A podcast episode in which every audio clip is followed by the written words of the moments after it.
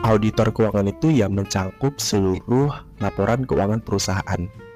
Jadi mulai dari proses Hmm. uh, pencatatannya seperti apa, kemudian proses pembukuannya Hmm. seperti apa, sampai hingga proses jadi report dan dilaporkan gitu seperti apa. Kita tuh harus paham akan hal itu sebenarnya kayak gitu. Nah kalau gua sendiri ini auditor eksternal. Bedanya kalau misalkan auditor eksternal Hmm. itu orang yang bekerja di kantor akuntan publik yang mana dia punya sikap independensi. Nah, sikap independensi itu artinya bisa dipengaruhi oleh pihak mana pun, baik kepentingan pribadi maupun Hmm. kepentingan lainnya gitu. Dan hasil akhirnya itu adalah sebuah opini atau pernyataan bahwa kondisi keuangan perusahaan ini tuh wajar atau tidak sih seperti itu. Dan gunanya untuk apa? Gunanya itu kepentingan pemangku kepentingan kayak misalnya pemegang saham atau misal investor kayak gitu sih. Dan jangan pernah eh, mencampuri keinginan pribadi dengan keinginan orang lain. Lebih baik fokus sama Ya. diri sendiri, eh, tulis tujuan kita Hmm. untuk ke depannya seperti apa, keinginan kita ingin jadi apa, tulis. Meskipun ya terkadang eh, dunia eh, bertindak lain ya gitu. Jadi ya setidaknya kita ada ada keinginan buat Ya. ke situ gitu. Lebih ke situ sih dan itu Ya. pengalaman gue juga. Makanya eh sampai saat ini gue bertahan ya karena gue punya tujuan gitu sih.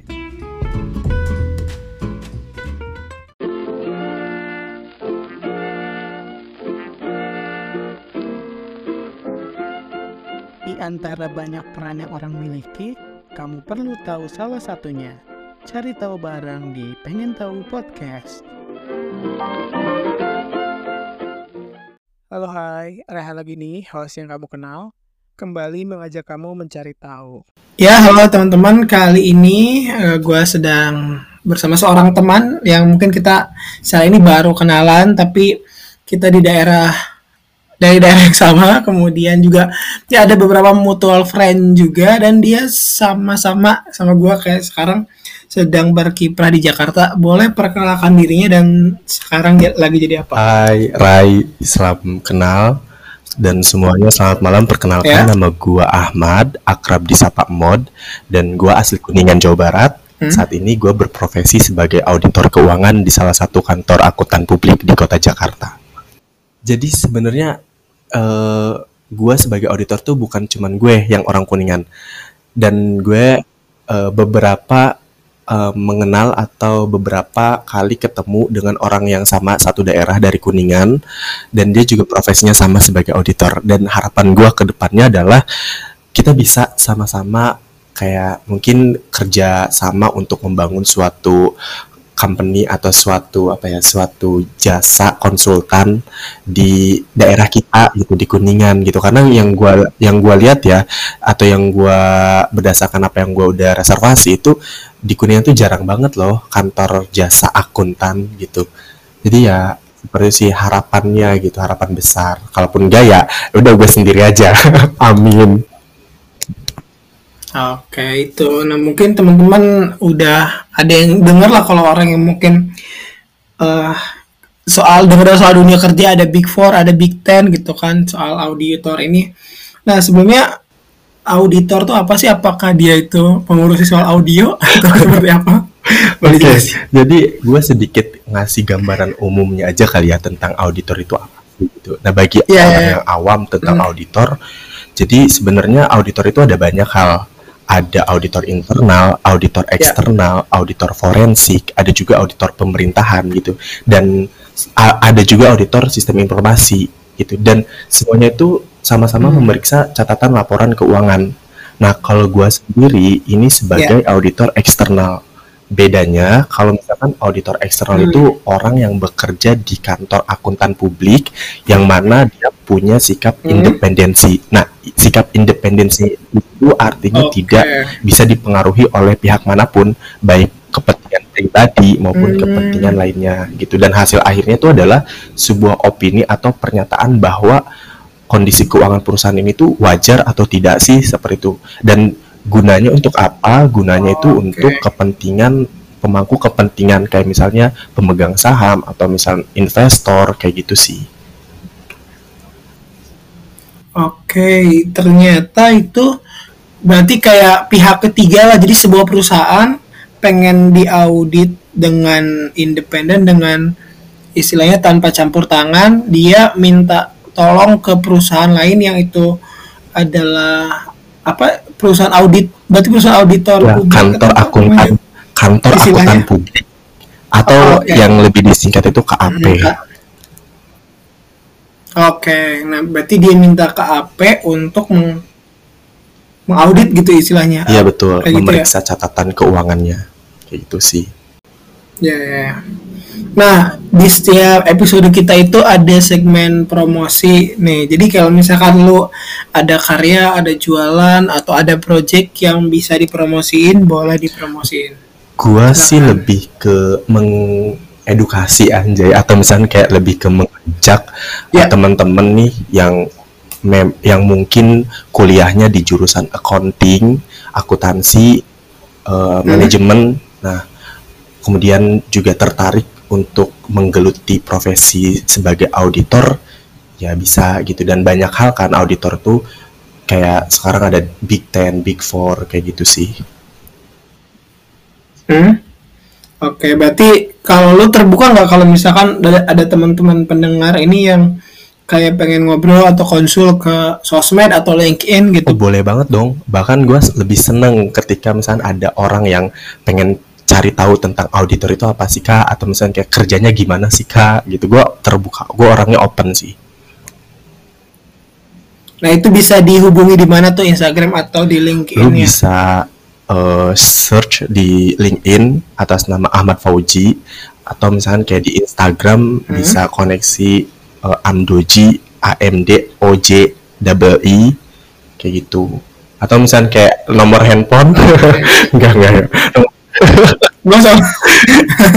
Nanti takut admin-admin yang lain yang promonya. Iya, nomor handphone. Nah, hmm, oke lah teman-teman bisa menghubungi aja di situ.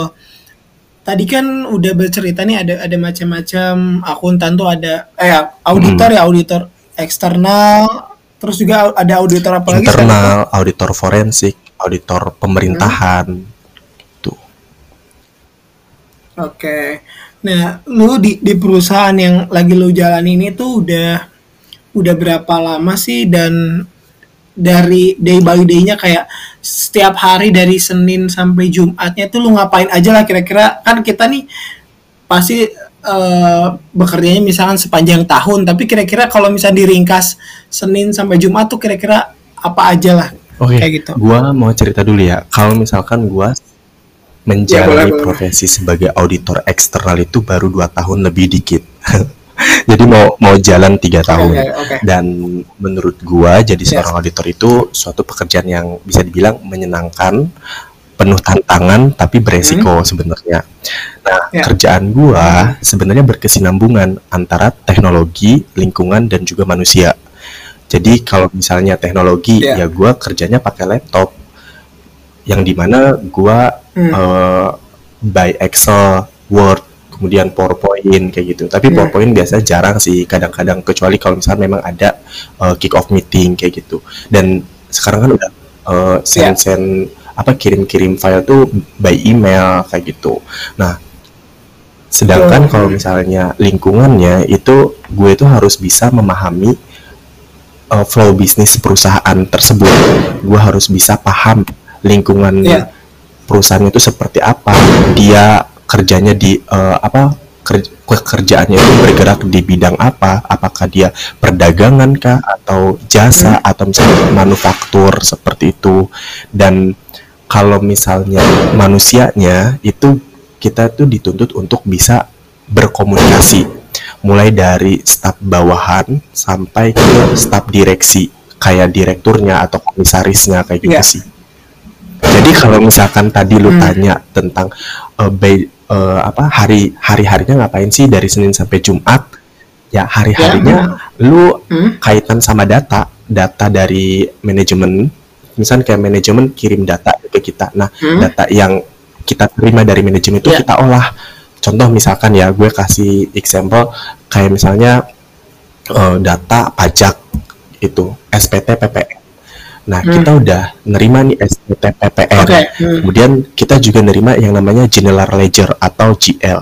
Nah, kita eh, ngecek tuh Hmm. apakah yang di angka yang di SPT sama yang di General di GL itu udah sama atau belum kayak gitu. Ya, semacam itu sih Ya. pekerjaannya. Hmm. Hmm, oke oke. Nah tadi sebelum ngejelasin caranya, tadi kan salah satu contohnya itu yang diambil pajak. Memangnya selain pajak, selain pajak tuh apalagi yang di, biasanya diaudit oleh seorang auditor? Sebenarnya auditor keuangan itu yang mencangkup seluruh laporan keuangan perusahaan. Jadi mulai dari proses Hmm. eh, pencatatannya seperti apa, kemudian proses pembukuannya Hmm. seperti apa, sampai hingga proses jadi report dan dilaporkan gitu seperti apa. Nah, kita tuh harus Ya. paham akan hal itu sebenarnya kayak gitu. Jadi misalnya kalau misalkan eh, apa kita eh, memeriksa laporan keuangan. Ya. Nah, all in laporan Hmm. keuangan tuh ya di dalamnya ada pajak, kemudian ada apalagi ya Hmm. utang piutang kayak gitu. Jadi kita meriksa hal itu, Oke. persediaannya, kemudian aset perusahaannya. Nah, itu kita benar-benar harus cek satu-satu kayak gitu. Oke, intinya kalau kita secara akuntansi sederhana sih kira-kira yang masuk berapa, yang keluar berapa, tapi kira-kira urusannya untuk bayar piutang, utang, eh, eh, utang piutang ataupun pajak dan lain-lain tuh ada tersendiri gitu. Betul Kira-kira betul. Jadi gitu kita ya. harus tahu sih sebenarnya. Kayak misalnya gini, eh, melakukan pencatatan pada saat pembelian. Nah kita tuh harus ngecek bener gak nih dokumen Hmm. pembeliannya ada. Terus yang dicatatnya itu nominalnya bener Oke. gak sesuai sama yang di dokumen di invoice-nya kayak gitu sih. Hmm, hmm. Iya, iya, iya. Ya mungkin bagi anak yang udah udah berkaitan atau udah berpersinggungan dengan akuntansi udah udah tahu lah kira-kira apa aja kira-kira mungkin transaksi ataupun pengeluaran atau pemasukan gitu itu kan juga bervariasi lah. Yang penting secara auditor nih mencatat seluruh kegiatan keuangannya gitu ya. gitu. Iya ya. Nah it- itu kan kira-kira luarannya atau kira-kira apa ya namanya atau mm, input outputnya mungkin ya. Nah kalau dari segi cara kerjanya itu kayak gimana sih kayak apa aja gitu kan tadi kita oke kita berkutat dengan teknologi dengan Excel dengan Word dan dengan data-data itu. Nah itu tuh data-datanya tuh di kayak gimana di kayak gimana kan gitu. Kalau boleh tahu. Jadi eh, datanya itu di kayak gimana kan? Datanya itu diolah. datanya diolah. Jadi gini, Hmm. kalau misalkan seorang auditor itu kan ada yang namanya kertas kerja. Mungkin setiap eh, divisi Ya. mana pun ada yang disebut kertas kerja. Nah, kertas kerja auditor itu setiap Hmm. akun ada. Contoh misalkan gini, gue Ya. menerima laporan keuangan, yang di mana laporan keuangan itu kan eh, Hmm. isinya ada TB atau trial balance, kemudian ada balance sheet, ada Hmm. uh, profit and loss, kemudian ada laporan keuangan ekuitas kayak gitu. Hmm. Nah, sebelum jadi Ya. laporan keuangan itu, itu kan ada yang disebut dengan pembukuan Hmm. atau buku besar atau yang disebut dengan GL, bahasa auditnya itu ada GL. Nah, Hmm. GL itu me- menyangkut terkait dengan transaksi yang dia input sehingga bisa menjadi sebuah laporan keuangan. Ya. Nah, gua sebagai auditor, gua memeriksa atas transaksi itu, gitu. Bener gak nih transaksinya di input Ya. sesuai sama dokumennya enggak, sesuai sama legalitasnya enggak, seperti itu. Hmm. Jadi, misalnya contoh gini ya, misalnya Oke. ada eh, di laporan keuangan itu kas dan bank kan, yang simple aja lah kas Hmm. dan bank. Nah, gue ngecek tuh Ya. saldo eh, kas dan bank si perusahaan. Misalnya perusahaan punya saldo kas dan bank 50 juta di bank BRI. Nah, Hmm. gue sebagai auditor, gue memastikan bahwa saldo yang tercatat di pembukuan di laporan keuangan perusahaan itu betul sebesar 50 ribu, Hmm. eh 50 juta gitu kan. Ya, 50 juta, hmm. Dengan cara apa? Ada yang disebut dengan prosedur audit. Kayak kita kalau misalnya di Iya. bank itu biasanya kita melakukan pengiriman konfirmasi. Kita mengkonfirmasi ke bank Hmm. tersebut untuk eh, meyakinkan bahwa oh bener nih memang si perusahaan ini tuh punya saldo bank BRI sebesar 50 juta kayak gitu. Ya. Prosesnya kayak gitu sih. Jadi setiap Oke. akun di dalam laporan keuangan itu ada eh, kertas kerjanya. Oke oke. Kurang lebih kayak gitu ya. Tadi kan ada beberapa istilah yang disampaikan seperti TB. TB Trial itu apa? balance. Hmm, nah, coba, coba masing-masing istilah yang tadi disampaikan tuh ada profit and loss gitu. Itu boleh di kayak singkat aja sih ini eh, TB ataupun profit and loss dan lainnya gitu. Dari istilah yang tadi disebutin. Eh, kalau misalnya gua jelasin satu-satu, kayaknya gue ini lagi buka kelas ini ya kuliah ya. tapi tapi tapi kalau misalkan tadi lo minta buat istilahnya aja, nih kayak di laporan di apa ya di akunti di akuntansi itu ada istilah yang namanya laporan keuangan. Nah, laporan posisi keuangan itu di dalamnya mencakup BS atau balance sheet yang di mana eh, lebih awamnya itu disebut neraca. Ada neraca yang di mana Oke. eh, Eh, paham. neraca itu ada posisi aktiva, aktiva itu harta, kemudian ada posisi kewajiban dan juga Hmm. ekuitas. Nah, kewajiban itu utang, kalau ekuitas itu modal. Hmm. Nah, itu uh, bisa disingkat BS atau balance sheet atau neraca. Nah, kalau Oke. misalkan PL itu adalah profit and loss atau laporan laba rugi. Gitu yang di mana isinya itu ada pendapatan dan juga beban-beban. Kayak gitu. Nah, kalau Hmm. misalkan tadi eh, BSPL kemudian laporan arus kas itu mencangkup terkait dengan Hmm. arus kas masuk dan keluarnya si suatu perusahaan. Kita bisa ngebaca tuh apakah perusahaan Iya. itu kebanyakan dia menaruh uang itu di bagian investasi kah atau pendanaan kah atau operasional kayak gitu. Jadi kita bisa ngelihat sebenarnya kalau misalnya gue nih sebagai akuntan gitu, sebagai auditor gue udah tahu kondisi perusahaan itu sehat atau enggak sih sebenarnya kayak gitu. nah, kalau misalnya Oke, trial oke. balance itu sebenarnya eh, pembukuan di mana semua saldo dalam buku besar itu digabungkan ke dalam akun debit dan juga akun kredit kayak gitu. Trial balance itu apa ya? Iya. Jadi rinciannya gitu. Lebih ke situ sih. Hmm, oke. Ya. Oke. Mungkin sebenarnya dosen itu udah ngejelasin. Tapi karena karena otaknya ke mana-kemana gitu. Jadi baru baru ini lagi oh, oh iya pernah pernah pernah dengar gitu kayak seperti itu. Nah, eh, selanjutnya itu tadi kan sempat berbicara ada konfirmasi ke bank lain gitu. Apakah si auditor ini juga bersinggungan dengan pihak-pihak eksternal gitu? Nah, kalau kayak gitu tuh bersinggungan sama pihak eksternal apa sih yang bisa dikonfirmasi ataupun mungkin diperbantukan gitu untuk eh, kerjanya si auditor Kalau ini? pihak eksternalnya ya sebetulnya kita nggak ada nggak ada kerjasama Nggak ada. dengan pihak eksternal ya karena kan gua sebagai auditor eksternal itu Hmm. memiliki sikap independensi atau sikap ya Oke. itu sikap independensi nah jadi Hmm. gua nggak bisa nih terpengaruhi dengan pihak mana pun gitu dan kenapa Ya. eh, gua mengkonfirmasi itu sebetulnya adalah proses prosedur auditnya untuk meyakinkan bahwa saldo yang dicatat si perusahaan itu memang betul segini gitu Ya, dan biasanya tuh yang dikonfirmasi tuh yang pertama adalah kalau misalkan tergantung akunnya ya kalau misalkan bank ya gue konfirmasi ke bank itu kita ngasih eh, surat konfirmasi kemudian eh, Ya. pihak berelasi pihak berelasi itu pihak yang eh apa ya kayak manajemen kuncinya gitulah manajemen kuncinya. Nah, gue harus konfirmasi Yeah. bener gak nih kalau misalnya ada transaksi ke pihak berelasi.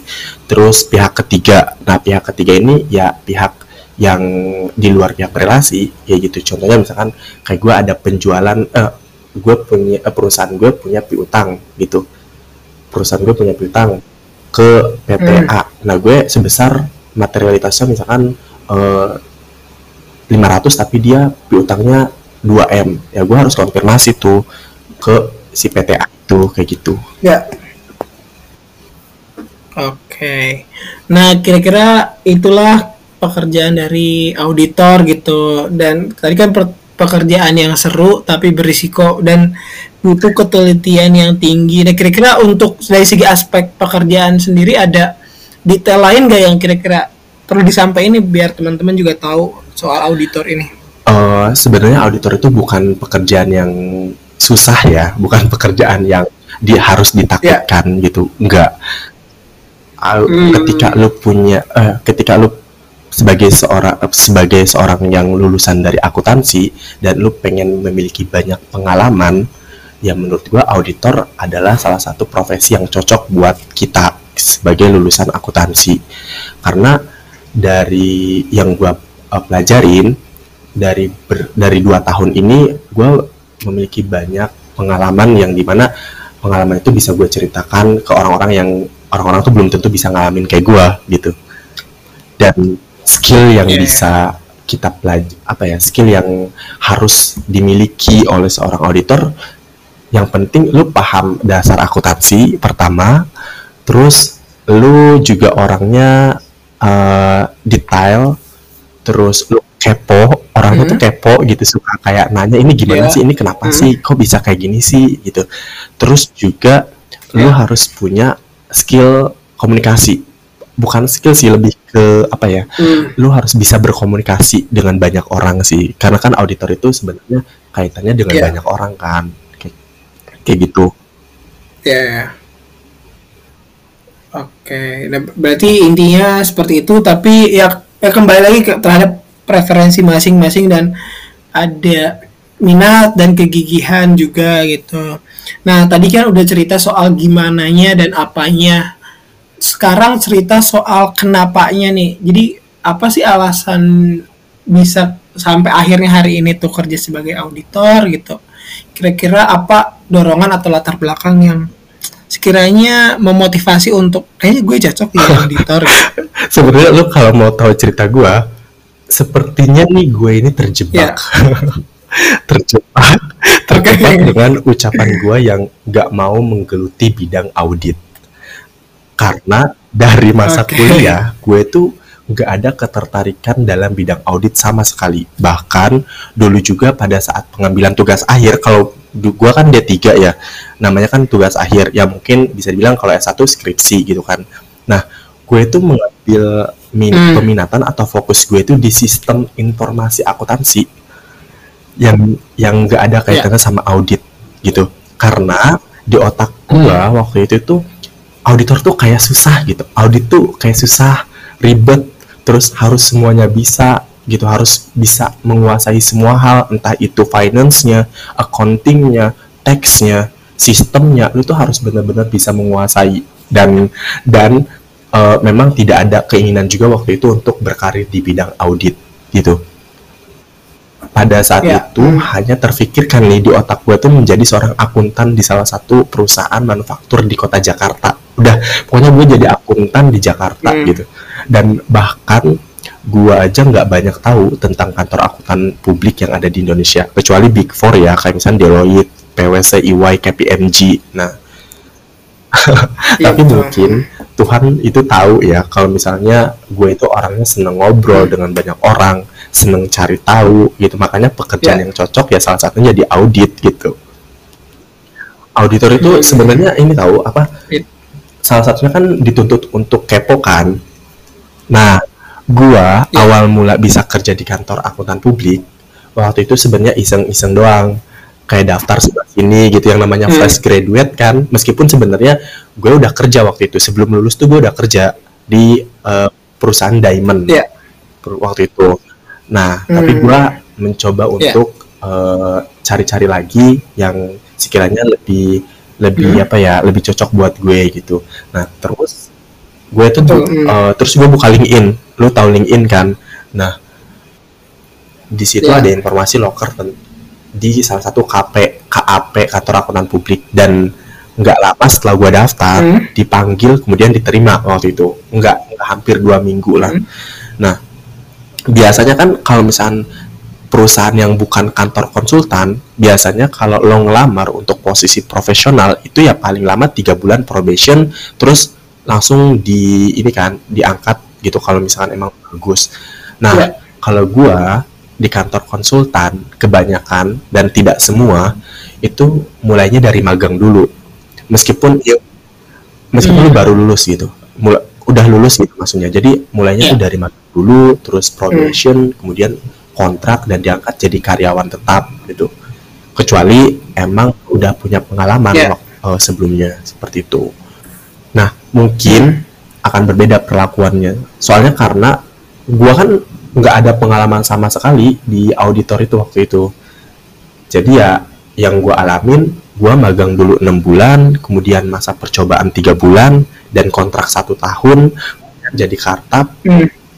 Selanjutnya kayak gitu. Emang flownya kayak gitu. Dan alhamdulillah karena gue enjoy dengan kerjaannya gue enjoy uh, ngejalaninnya lingkungannya juga buat gue berkembang. Karena hal karena kan kalau di auditor itu hal baru tuh terus dipelajarin gitu loh. Ngerti gak sih? Kayak regulasi regulasi itu pasti akan ada yeah. terus yang baru gitu. Makanya ya gue masih betah sampai sekarang kayak gitu sih. Iya iya iya memang sih apa ya kadang-kadang pekerjaan itu nggak kita sangka-sangka gitu kayak iya dan gitu.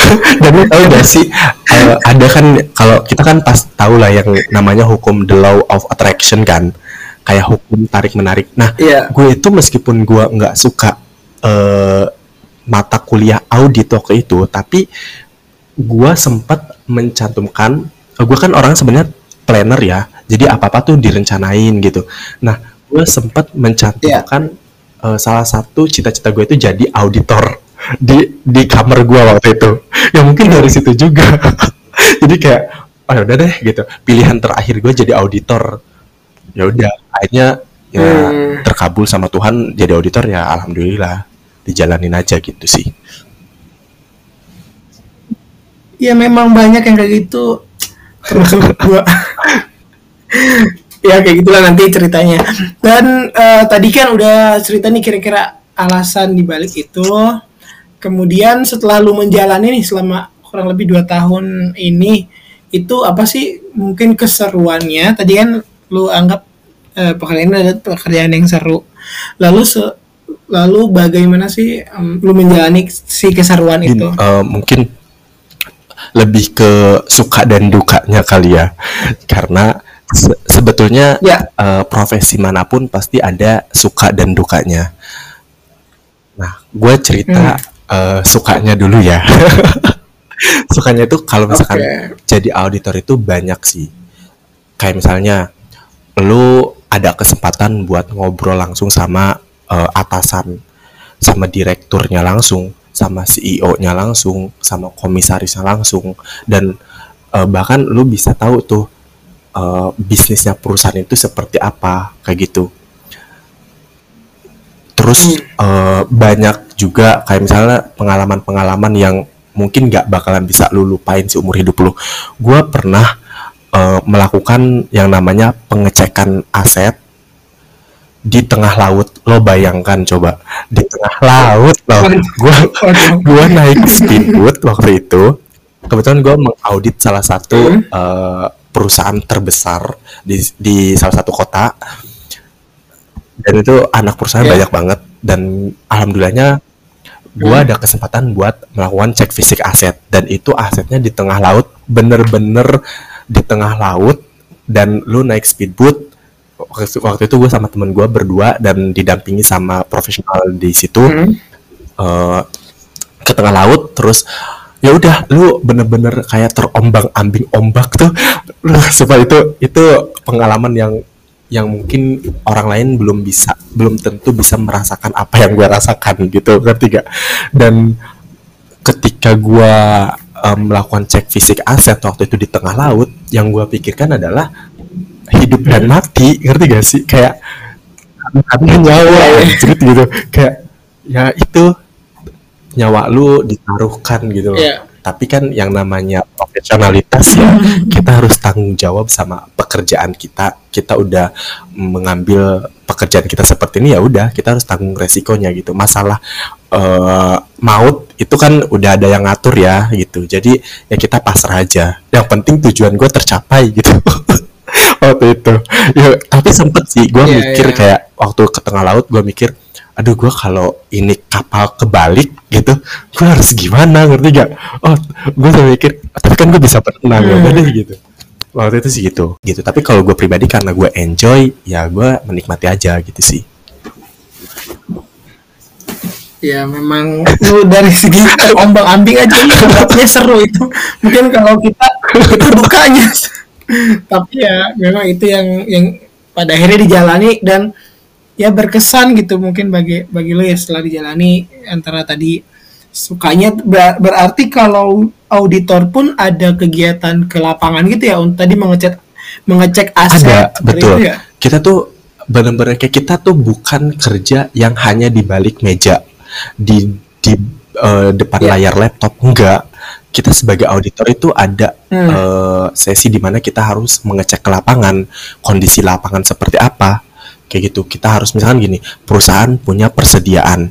Nah kita harus cek tuh persediaan itu bener gak gitu. Makanya kenapa eh Iya. gue masih seneng jadi auditor karena gue ketemu banyak orang gitu. Hmm. kayak gitu sih.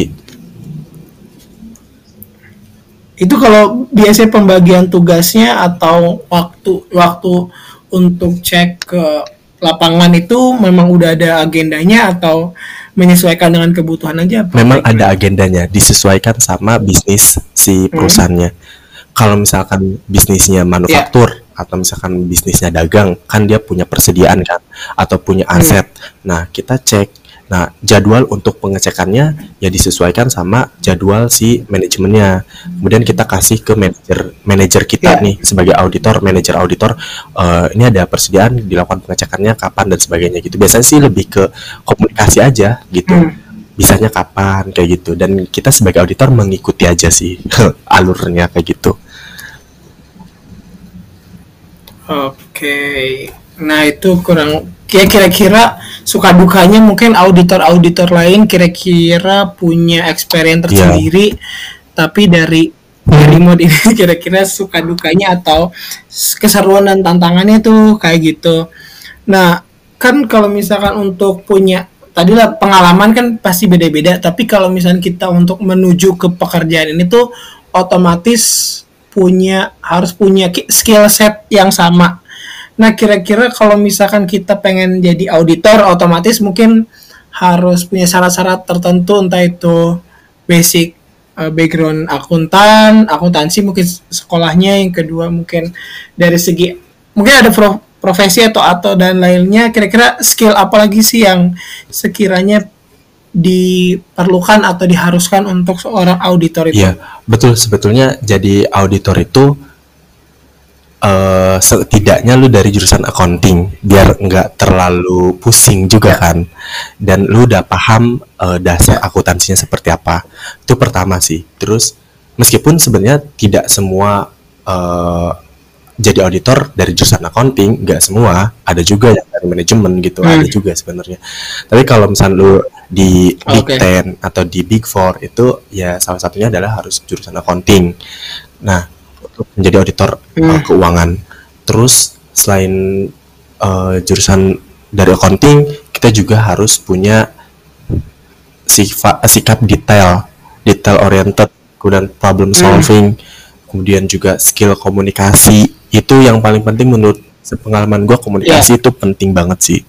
Terus juga selain Hmm. itu eh, mental mental yang kuat mungkin ya lu harus Hmm, harus punya mental kuat Ya, kalau jadi auditor dan banyak hal sih sebenarnya mungkin salah satunya itu Hmm. sih ya, ya, ya. Tadi kan untuk ngedap atau untuk ngedapetin kira-kira skillnya apa aja.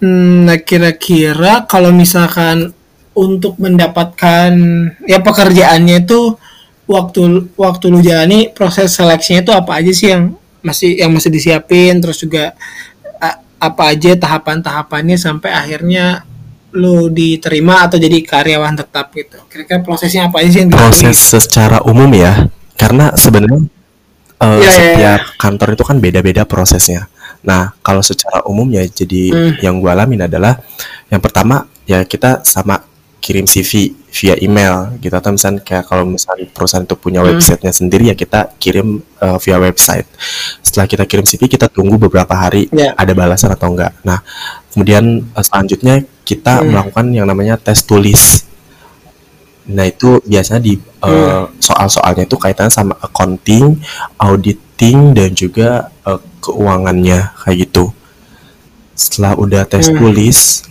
yeah. setelah tes tulis ada juga yang dilakukan tes TOEFL nah uh, setelah hmm. semua tes tulis itu udah selesai biasanya kita langsung interview interview itu ada ada beberapa yeah. tahapan ada interview sama HR kemudian interview sama user dan bahkan ada beberapa kantor akuntan publik yang sepengalaman sepengetahuan gua dari teman-teman gua itu ada ke partnernya langsung gitu jadi dibagi tiga tahapan, hmm. tapi ada juga yang langsung satu tahapan gitu antara hmm. HR, user dan juga partner tuh langsung kayak gitu. Kayak yeah. gitu iya. sih lebih dan lu hmm. um, menunggunya tuh ya biasanya nih kalau misalkan mau jadi apa ya kantor-kantor akuntan publik itu buka di saat akhir tahun pas mau peak season. Nah itu udah itu banyak banget sih yang buka Hmm, akhir tahun ya itu karena tutup buku apa ya? Kalau di akhir tahun itu. Hmm, itu sehektik atau se semenegangkan apa sih itu? nih itu bener-bener kayak kalau di auditor itu ada yang disebut dengan peak season atau masa sibuk biasanya hmm. ya mulai Maret yeah. April Mei Juni Juli lah gitu karena kan perusahaan mau lapor pajak atau misalnya kayak uh, apa kalau dia TBK kan hmm. ada regulasi buat ke OJK dan sebagainya gitu. Bener-bener di masa itu tuh ya hmm. lu kalau gila ya udah gila sekalian gitu di di bulan-bulan itu. Iya. Hmm. gitu sih. Ya oke oke berarti ya kurang lebih itu bisa di ya diakses lah kira-kira kitanya juga mungkin cari-cari informasinya toh ketika ada dan cocok bisa dilakukan gitu. Terus kalau misalkan untuk tadi kan soal skillnya apa aja, nah kalau misalkan cara melatih atau meningkatkan skillnya itu kalau dari lu sendiri tipsnya seperti cara apa? Cara melatih, yang penting lu rajin baca sih, rajin baca hmm. dan mencoba gitu. Apa aja? Karena kan uh, auditor itu kita dituntut untuk selalu update ya, update dengan peraturan terbaru. Ya dan uh, Menteri Keuangan atau misal ya Menteri Keuangan itu selalu mengeluarkan regulasi-regulasi yang yang baru-baru terus setiap tahunnya gitu. Kayak kayak kalau di, hmm. di uh, accounting itu ada yang disebut PSAK atau standarnya gitu, standar akuntansi keuangannya gitu. Nah, itu selalu update. Lu harus yeah. benar harus bisa paham kayak gitu. Ya, yang penting rajin baca, hmm. Kemudian juga rajin cari tahu kayak gitu. Meskipun kalau gue pribadi memang orangnya males sih mager ya sebenarnya. Lebih ke ada lo kasih tahu gue aja hmm. gitu. Nggak nggak harus gue baca gitu. Tapi ya memang sih uh, literasi itu penting banget sih. Hmm, tapi lu tuh orang yang mager-mager tapi eh lu udah belum? Belum pas dikumpulin nilainya. Iya sih kayaknya gue memang kayak gitu sih bercanda. Oh, ya tak. Gercep gitu tapi mager tapi ketika lu gerak geraknya cepet gitu ya kan. sih kayak gitu. Ya oke okay, tadi udah kira-kira kira-kira kayak gimana uh, cerita maksudnya aku uh, apa namanya auditor tuh apa terus juga gimana kenapa dan kira-kira skillnya apa. Nah pasti kan setelah berjalannya waktu bukan soal skill doang tapi lo kayak menyadari suatu nah kira-kira nilai atau makna apa sih yang lo sadari oh ternyata setelah gue jalanin jadi auditor tuh kayak gini ya atau apa hal yang mungkin lo syukurin deh lebih tepatnya setelah lo menjalani pekerjaan auditor selama kurang lebih dua tahun ini. Hal yang gue syukurin banyak sebenarnya ya. Setiap harinya gue selalu bersyukur sih yeah. atas apa yang Tuhan kasih ke gue. Hmm. Um, yeah kalau lo bilang jadi auditor ya salah satunya adalah ilmu gue nggak pernah putus gitu. Ilmu gue selalu hmm. ada aja hal-hal baru yang bisa gue pelajarin. Itu yang selalu gue selalu bersyukur. Yeah. dan bisa di sharing ke banyak orang kayak gitu. Dan uh, yang gue dapet juga adalah yang gue sadari bahwa jadi auditor itu bukan sesuatu profesi yang menakutkan sebenarnya kayak gitu sih lebih ke yeah. ya memang uh, flow-nya kayak gini gitu mungkin awal-awal hmm, kayak awal-awal yeah. mungkin kita akan ngerasa takut tapi kalau udah dijalanin ya pasti ngerasa kayak oh be aja lah gitu cuman ya memang setiap pekerjaan gue balik balik lagi selalu ada resikonya kayak gitu sih dan gue yang oh. Gue hmm. sadarin juga adalah jadi auditor itu melatih mental juga sebenarnya. Iya, gimana ya, tuh gitu. Jadi kayak mental mental lu jadi jadi tahun nih gitu ngerti gak sih kayak apa ya? Oh, mental ya, tahan banting gitu ya. Lebih ke tahan banting lah ya. Hmm. Ya, ya, tadi juga yang yang lu sadari bahwa itu nggak terlalu nggak amat gitu. Itu juga berefleksi ke lu yang ah nggak mau lah jadi auditor gitu. Lu punya udah anti anti tapi akhirnya setelah lu masuk oh ternyata nggak nggak nggak seperti apa yang lu bayangin sebelumnya gitu. Lebih ke arah berefleksi ya benar tapi lu tahu gak sih gua awal awal banget pertama masuk tuh ngerasain pressure-nya. Tekanan di mana-mana. Ya. Gua ngerasa kayak lah kok hmm. temen-temen gua yang duluan jadi auditor itu orangnya pinter-pinter ya ngerti gak sih kayak aduh kok gua bego ya yeah, gitu yeah, yeah. tapi setelah lu berbaur dengan mereka ternyata ah oh ternyata ini bisa dipelajarin gitu jadi jangan jangan hmm. langsung yeah. apa ya judge book by cover kan lu harus tahu lu harus terjun hmm. dulu baru lu bisa bilang kayak gitu oke okay. nah ini ada dua pertanyaan terakhir gitu.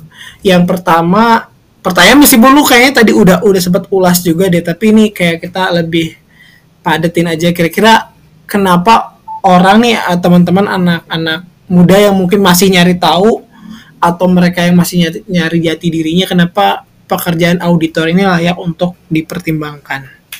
Bagi teman-teman yang masih nyari tahu nih. Uh, kita tahu bahwa atau kita sadari bahwa sekarang tuh zaman udah globalisasi ya, di mana perkembangan teknologi yeah. itu semakin pesat dan ketik kalau misalnya lu tahu atau lu baca berita bahwa ada beberapa profesi yang bakalan hilang dan digantikan oleh mesin atau teknologi AI. Auditor ini hmm. cocok. Kenapa? Karena auditor ini adalah profesi yang tidak bisa digantikan oleh siapa pun, entah itu mesin teknologi gitu. Ya, betul. Kenapa? Karena perusahaan itu sejatinya pasti akan membutuhkan seorang penganalisa, seorang uh, auditor gitu untuk menil menilai uh, kondisi perusahaan itu seperti apa. Nggak mungkin mesin bisa yeah. menilai seperti itu dan mesin nggak bisa diajak diskusi gitu. Dan auditor ini cocok. Kenapa? Karena untuk profesi jangka panjang. Auditor juga dia adalah profesi yang jenjang karirnya itu jelas mulai dari junior junior hmm. ke senior berapa tahun itu udah ada takarannya. Junior senior kemudian juga uh, supervisor manager eh, asisten manager kemudian manager dan bahkan jadi partner. Itu udah ada timingnya sebenarnya. Tinggal kita nikmatin aja yeah. waktunya. Seperti itu. Makanya kenapa gua ngerasa uh, kalian di yang jurusan akuntansi itu cocok banget buat uh, menggeluti atau uh, terjun secara profesional jadi seorang auditor dan auditor itu juga bisa jadi sebagai batu loncatan gitu contoh misalnya gini yeah. gue sebagai auditor udah dua tahun dan posisi gue sebagai senior mm. di kantor akuntan publik ketika yeah. gue next mau ke mm. company atau ke perusahaan ya posisi gue bukan lagi jadi seorang senior staff tapi harus bisa jadi asisten manager atau atau misalnya jadi supervisor setidaknya okay. lebih tinggi dari yeah, jabatan yeah. gue di auditor kayak gitu kenapa karena auditor itu dipercaya su uh, sudah memiliki banyak pengalaman memegang berbagai macam yeah. kondisi uh, perusahaan keuangan perusahaan kayak gitu makanya cocok banget gitu buat mereka-mereka yang lulusan Betul, akuntansi berkarir jadi seorang auditor kayak gitu Ya, jadi karena memang tingkat ketelitian, tingkat kerumitannya, dan juga mungkin dari reputasi company-nya itu sendiri ya. Jadi si perusahaan-perusahaan juga bisa mempertimbangkan kira-kira ini tuh semestinya ketika mereka merekrut otomatis adalah di atas jabatan sebelum dia di mungkin ketika dia di posisi audit gitu. Kira-kira kayak gitu ya. Ya, ya, ya.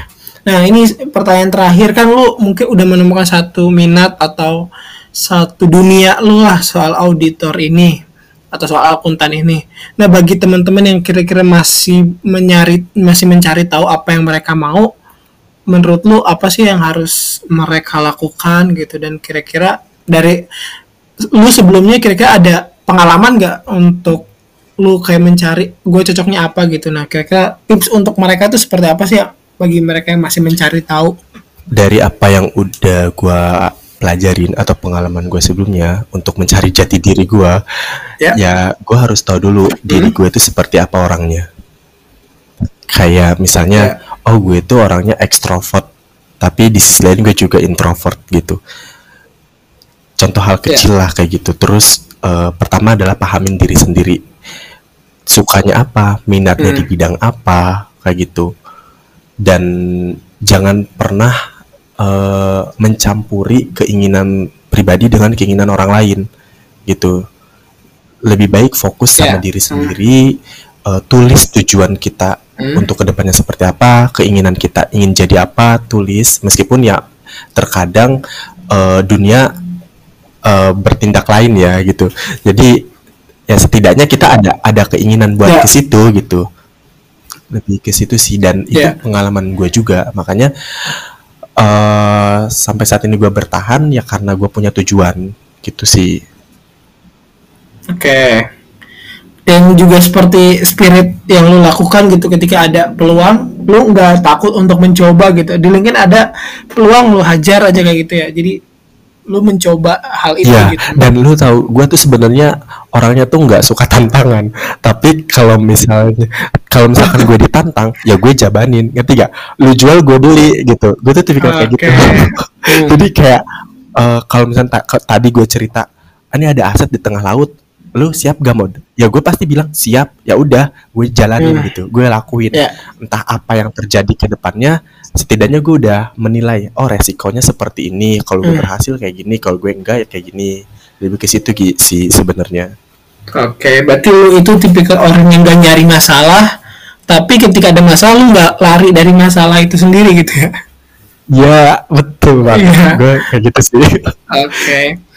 Nah itu teman-teman kira-kira ya menutup episode kita kali ini mengenai auditor. Terima kasih kepada Mod udah bercerita di sini. Eh, semoga dari teman-teman juga bisa dapat ngasih gambaran kira-kira bagi lo yang mungkin masih nyari tahu atau bagi yang lo udah suka dengan hal akun mengenai hal akuntan bakal menambah wawasan lo. Eh, mungkin kayak gitu aja. Terima kasih. Eh, itulah episode kita kali ini mengenai auditor gitu dan kok gitu sih ya itulah episode kita mengenai auditor semoga teman-teman bisa nambah wawasannya soal satu lagi pekerjaan yang udah kita bahas di pengen tahu podcast terima kasih Mod udah bercerita di sini ya sama-sama Rai. Ya, semoga ke depan nanti kalau memang ada kesempatan atau bagi teman-teman yang mau nanya dan segala macamnya bisa langsung aja ke Instagram dan LinkedIn-nya. Oke, itu saja. Semoga episode ini bermanfaat. Sampai jumpa di episode berikutnya. Dadah, terima Ya, kasih. terima kasih semuanya.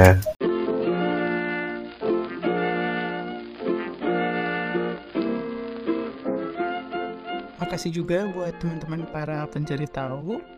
Di episode berikutnya kita mau cari tahu soal apa lagi nih bisa request ke Instagram pe- at pengen tahu podcast. Sampai jumpa di podcast berikutnya dengan narasumber dan cerita lainnya. Pengen tahu podcast jadi makin tahu.